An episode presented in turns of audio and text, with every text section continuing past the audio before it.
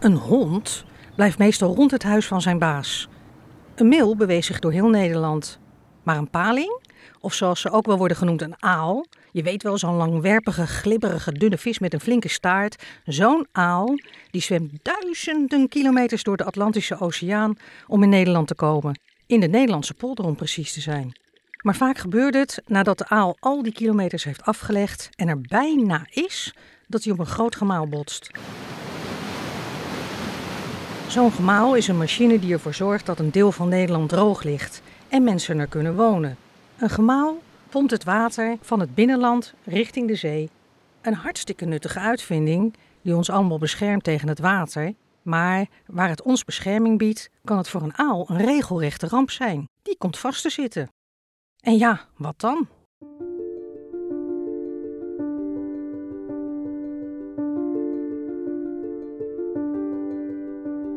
Mijn naam is Hanneke Hofstee en ik ben van het Hoogheemraadschap van Rijnland. Dat is één van de 21 waterschappen die Nederland telt. Rijnland strekt zich uit van Wassenaar tot Amsterdam en van IJmuiden tot Gouda. Een enorm groot gebied dus, met heel veel water en dus ook vissen. Deze podcast gaat over vismigratie. Klinkt als een moeilijk woord, maar het betekent gewoon dat een vis van A naar B zwemt. En ja, je hoorde het net al, dat van A naar B gaan gaat met horten en stoten. Bij het boezemgemaal in Halfweg hebben ze een manier gevonden om de vissen toch langs het gemaal te leiden. Daar wil ik meer van weten. Hoe doen ze dat? En waarom is het eigenlijk zo belangrijk dat die aaltjes de polder bereiken? Iemand die precies weet hoe vissen van de ene naar de andere kant gaan van het gemaal is Mike Dijkstra. Hi. Hoi Hanneke, hoi. Leuk je weer te zien, tijd geleden. Hij is bioloog en hij werkt bij Rijnland en weet alles van vissen. Ik zocht hem op bij dat gemaal in Halfweg. Jij komt hier vaker, heb ik begrepen. Ja, ik, kom, ik realiseerde me dat ik inmiddels hier zo'n jaar of veertig uh, kom. Wat deed kleine Mike hier dan? Nou, kleine Mike die, uh, die kwam hier in het voorjaar... Um, kwam hij hier eigenlijk altijd vissen met schepnetjes en totenbellen. Uh, kruisnetjes. En ja, ik was toen een jochie van 12 jaar... En uh, ik viste heel graag met de hengel, maar ja, dat mocht dan niet in april en mei. En dan hadden we dus uh, samen met mijn vriendjes hadden we wel een alternatief bedacht. Van ja, uh, met de schepnet mag je dan wel vissen. Dus wij gingen hier altijd naartoe, omdat wij wisten dat in april en mei hier in, die, in het uitwateringskanaal van dat gemaal halfweg enorme hoeveelheden glasaal, driedoornige stekelbaarsen, spieringen, grote baarsen hier naartoe trokken. En die, die zag je ook overal zwemmen. Dat waren werkelijk tienduizenden, honderdduizenden vissen. Maar kende je toen al al die vissoorten? Ja, ik ben eigenlijk al, uh, denk ik, vanaf mijn achtste gebiologeerd uh, uh, door alles wat leeft rond en onder water. En, en zo ben ik ook eigenlijk ja, uiteindelijk ook in het waterbeheer terechtgekomen. Ja, het is altijd een passie geweest. Mij komt hier al 40 jaar. Maar 40 jaar geleden konden die vissen nog niet langs het gemaal zwemmen. Terwijl het toch een cruciaal punt is voor de overleving van de vissen. Nou, wat je dus in het voorjaar hebt, dat is dat er bepaalde vissoorten um, vanuit het gebied van het Noordzeekanaal, wat brak water is, uh, het zoete water op willen zwemmen van Rijnland, van Rijnlands boezem. En, dat, ja, en dat, dat, de overgang tussen beiden is precies hier bij dit boezemgemaal. Dus die, die vissen die hier naar dat boezemgemaal uh, trokken en trekken, die ruiken dat zoete, warmere water in, in het voorjaar en die wilden naar binnen toe. Alleen ja, die stuiten op, uh, ja, op, deze grote, uh, op dit grote boezemgemaal, wat een onneembare barrière voor die vissen is. Hoe werkt zo'n boezemgemaal eigenlijk? Nou ja, dit, dit boezemgemaal halfweg is een van de vier uh, boezemgemalen die het gebied van Rijnland uh, droog houdt. Uh, het water op peil houdt in dat gebied. En hier op deze plek staan drie grote vijzels. Ehm, die dus dat water vanuit het dieper gelegen Rijnland, wat op min, 60, min 0,60 NAP staat, dat water omhoog pompt als het ware, naar het pijl van het Noordzeekanaal, wat op min 0,40 NAP staat. En daarmee creëert het dus in het voorjaar ook tegelijkertijd een soort zoete lokstroom richting dat Noordzeekanaal. En die trekkende vissoorten als, als, als uh, glasaal, uh, driedoornige stekelbaars, spieringen, ja, die ruiken dat en die zwemmen hier richting dat boezemgemaal. Min 0,60 NAP aan de ene kant, min 0,40 NAP aan de andere kant. NAP is het normaal Amsterdam spel. waarmee de waterstand wordt aangegeven. 0 NAP is gelijk aan de zee en min 0,60 NAP betekent dus 60 centimeter onder de zeespiegel. En die glaszaal waar Mike het over heeft, daar gaat het niet zo goed mee. Daar zijn er wat minder van tegenwoordig. Glaszaal, ik moet even uitleggen. Glaszaal, dat zijn eigenlijk de babytjes, de jonge visjes van de paling, van de aal, die we allemaal uh, natuurlijk wel kennen als volwassen vis. En uh, eigenlijk de aalstand die loopt al uh, nou, tientallen jaren uh, verder achteruit. En het heeft allerlei oorzaken. En de belangrijkste zijn wel visserij, milieuverontreiniging, vervuilde onderwaterbodems ja, die verontreinigingen die komen via de voedselketen in het, in, de, in ja, het vetreserve van de aal terecht. Waardoor de alen gewoon ja, eigenlijk vergiftigd worden of in slechte conditie komen. En natuurlijk de barrières die we in het watersysteem uh, hebben, hebben opgeworpen. Uiteraard logisch dat we dat hebben opgeworpen, omdat we ja, eh, willen leven en werken uh, in ons gebied en veilig willen zijn. Het water goed op peil weten te houden. Maar ja, het heeft een, voor, voor de natuur en in dit geval specifiek voor de aal, heeft dat natuurlijk wel negatieve bijeffecten. En dus is het belangrijk dat er goed in de gaten wordt gehouden hoe het met de glashal gaat. En dat gaat steeds beter, voornamelijk door de vispassage. Ja, je hoort het goed. Er is een manier voor de vissen om het gemaal te passeren. Nou, uh, Mike loopt nu vooruit aan de zijkant van uh, het boezemgemaal. Gaan we met wat trapjes naar beneden. Daar is een vlonder, metalen vlonder gemaakt. Met een mini-gebouwtje waar water ook in turbines draait. Bij de vispassage is nu een vissersbootje aangemeerd. En daar staat Piet. Piet Ruiter. Hij is visser van beroep en heeft zijn bootje aangelegd hier bij de vispassage.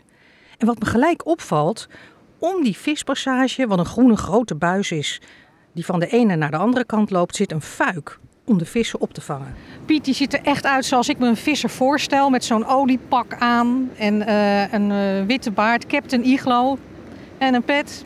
Zo'n fuik hangt er nu tijdelijk om de vissen te tellen. Maar daarna worden ze weer teruggezet. En hoe ben je zelf uh, tot uh, dat beroep gekomen?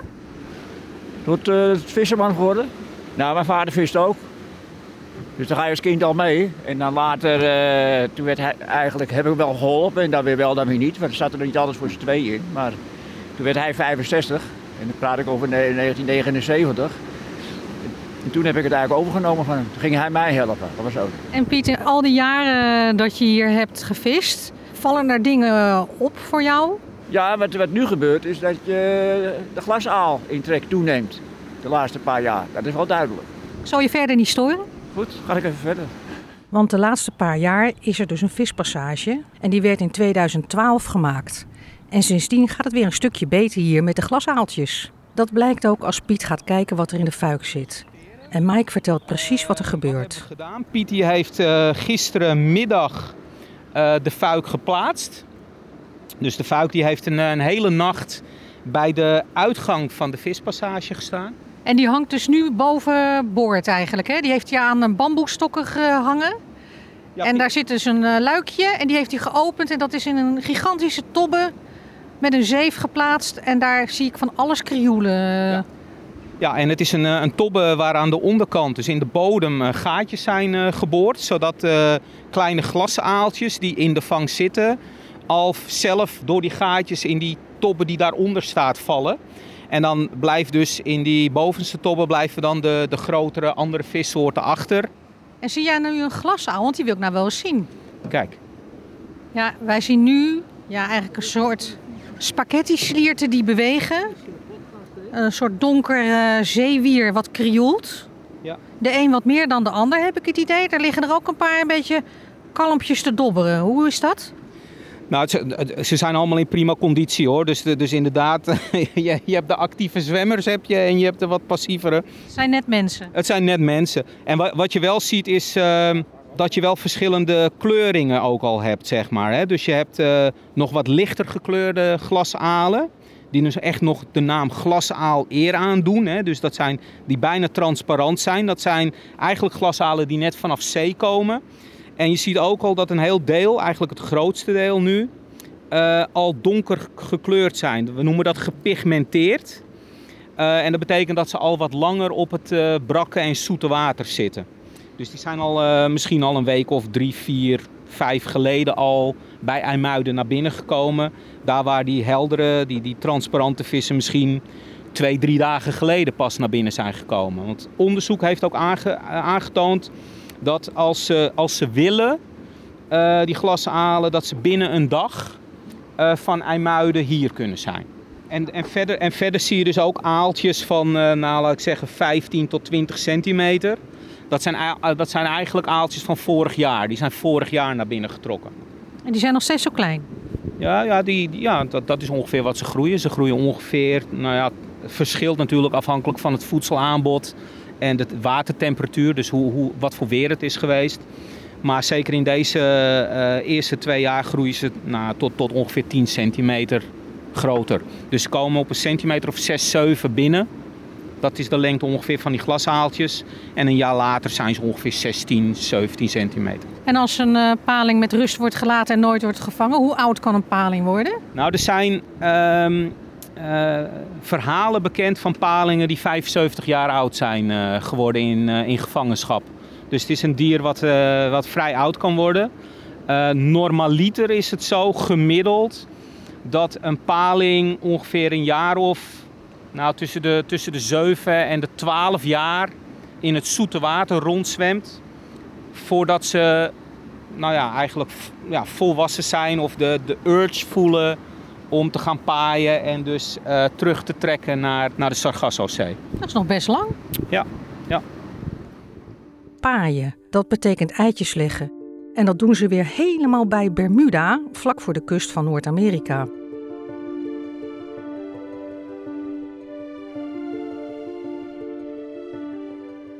Ik wil ook wel eens weten hoe die vispassage precies werkt. Het gaat niet alleen om die groene buis die je daar onder het water ziet liggen.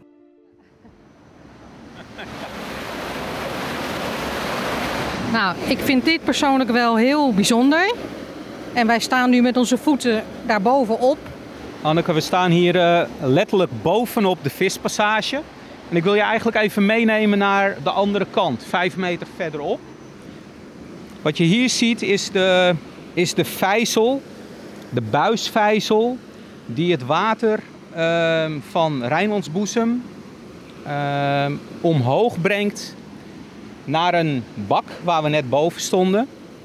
Uh, en die bak die, uh, is op het waterpeil van het Noordzeekanaal. En dus dat is eigenlijk een soort trap die het water van binnen naar buiten neemt. Het is een waterverschil van 20 centimeter tussen Rijnland en het Noordzeekanaalgebied. Het gebied van Rijnland ligt 20 centimeter lager. Dus met deze kleine buisvijzel, de eerste stap die we doen, is dus dat uh, water van uh, min 60, uh, min 0,60 NAP brengen naar min 0,40 NAP in die andere betonnen bak. En die betonnen bak, daar lopen we dan nu weer even terug naartoe. En zo'n vijzel komt op mij over als een gigantische gardemixer die in een schuine stand staat te draaien en daardoor dat water naar boven op een ander niveau wordt gebracht. Klopt, klopt. En dat, dat water valt dus hier, wat via die vijzel valt dus hier in deze bak. Nou, dat is dus het, wat je ziet en wat je hoort. En deze bak, de opvoerbak, uh, die heeft twee uitgangen, twee openingen. Eén opening loopt via een buis van een meter of 20, 25 door de dijk heen uh, naar het Noordzeekanaalgebied. Uh, is die hier te zien trouwens? Want ja. jij wijst nu. Ja, kijk, hier, hier, zie je het. Het is, het is zonnig en het water is helder genoeg. Dus je ziet hier gewoon de buis lopen een soort gigantische rioolbuis die begroeid is met mos of plantjes. Ja, aan de buitenkant is natuurlijk is hij aangeslagen met, met algen en zo. En um, hij heeft een diameter ongeveer van een meter. En aan de binnenkant zitten nog ja, eigenlijk borstels geplakt. Waardoor de glassen, waar de glasaaltjes en andere kleinere vissoorten bescherming in, in kunnen vinden. Maar even terug naar het verhaal. Door die buis loopt dus het water vanuit die opvoerbak naar, naar buiten toe en creëert dus een lokstroom.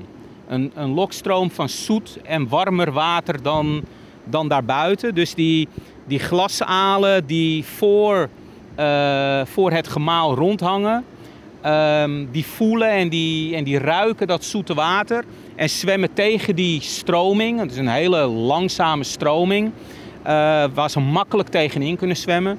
Daar zwemmen ze tegenin, door de buis heen, helemaal tot hier uh, in die opvoerbak. En aan de zijkant van die opvoerbak zit nog een opening, die tweede opening. Daar lopen we nu even naartoe. Daar lopen we even naartoe. En daar stroomt het water eruit. Kijk, dat kan je ook zien. Bij de boot. Naast de boot van Piet, uh, uh, waar Piet dus precies... Piet had precies zijn fuik voor die opening geplaatst. En die vissen uh, weten dus die opening te vinden. En ja, als ze door die opening zwemmen, ja, dan zitten ze dus 20 centimeter lager en zwemmen ze zo het Rijnlandse gebied in. En kunnen ze aan die fuik ontsnappen? Is er ook nog een andere route? Nee, dit is de enige route uh, van het Noordzeekanaalgebied, uh, Rijnlands gebied in. En op het moment dat die fuik ervoor staat, ja, we vangen 100% in de fuik. Het is ook een hele uh, fijne maas, hè? Dus, dus heel dicht dat net. Waardoor we zelfs de kleinste visjes, uh, zelfs garnalen, uh, kunnen vangen. Maar dat doen we dus alleen maar tijdens, tijdens onderzoek, monitoringsperiodes. Het grootste deel van het jaar is het natuurlijk gewoon een open verbinding en zwemt die vis gewoon door de passage heen, zo het Rijnlandse gebied in. Wat een ontzettend mooi systeem. Slim bedacht en het werkt geweldig. Mike en ik zoeken weer even een rustig plekje op. Ik vraag me toch nog iets af. Die vispassage staat er pas een aantal jaar, maar hoe ging het eigenlijk hiervoor? Nou, eigenlijk niet. Vanuit de vis geredeneerd. Die vissen die kwamen in het voorjaar hier aan en die stuiten eigenlijk op een on onneembare barrière. En uh, ik, ik weet wel, dat was nog voor een renovatie zeg maar, van, dit, uh, van dit boezemgemaal, dat er nog wel wat lekkage was langs, nou ja, langs de bestaande constructie, waardoor toch nog wel wat vis naar binnen kon. Maar het was eigenlijk nagenoeg uh, potdicht. Dus het was echt wel. Uh... Een slagpartij. Nou, een slagpartij niet in de zin van dat die vissen allemaal acuut hier doodgingen of zo. want gelukkig is, ja, weet je, als ze hier er niet in kunnen, ja, op een gegeven moment uh, als ze het een aantal keren hebben geprobeerd of een aantal dagen of weken hier gebleven zijn, ja, dan gaan ze toch verder zoeken. En dan trekken ze weer het kanaal op. Vinden ze misschien gewoon leefgebied in het Noordzeekanaal. Of trekken ze via de sluizen van Zaandam de Zaan op. Dus, dus er, er is geen slagpartij. Alleen het is wel natuurlijk zo dat, dat die vissen die, die komen hier niet voor niets hier. Die ruiken dat zoete water en, en die willen hier gewoon ja, dat achterliggende gebied in, dat gebied van Rijnland in, om daar op te groeien of voor te planten. Uh, en uh, ja, dat, dat, dat, ja da, da, daar hebben wij gewoon als waterbeheerder, ook als waterkwaliteitsbeheerder, uh, waarbij biodiversiteit heel erg belangrijk ook is, uh, hebben wij gewoon een rol in. Biodiversiteit, daar draait het natuurlijk om. Je zou natuurlijk kunnen zeggen, ja, jammer voor die paling dat hij er niet langs kan, zo wat. Maar de paling, de aal, is onderdeel van onze voedselketen. En we zijn in Nederland niet de enige die zich hiermee bezighouden, gelukkig. Nou, dit, dit vindt eigenlijk op heel veel plaatsen in Nederland plaats, in Europa plaats, in de hele wereld plaats. En uh, of het nou gaat over uh, grote rivieren in Amerika of in China of wat dichterbij de rivier de Rijn. Uh, er wordt volop gewerkt aan vismigratie, de mogelijkheden voor bepaalde vissoorten om weer hun leefgebieden, uh, deelleefgebieden te bereiken. Daar wordt al twintig jaar keihard aan gewerkt en de, de resultaten die, die spreken voor zich. Het gaat de goede kant op. Nederland weer vol met vis. Nederland weer vol met vis. Daar gaan we voor.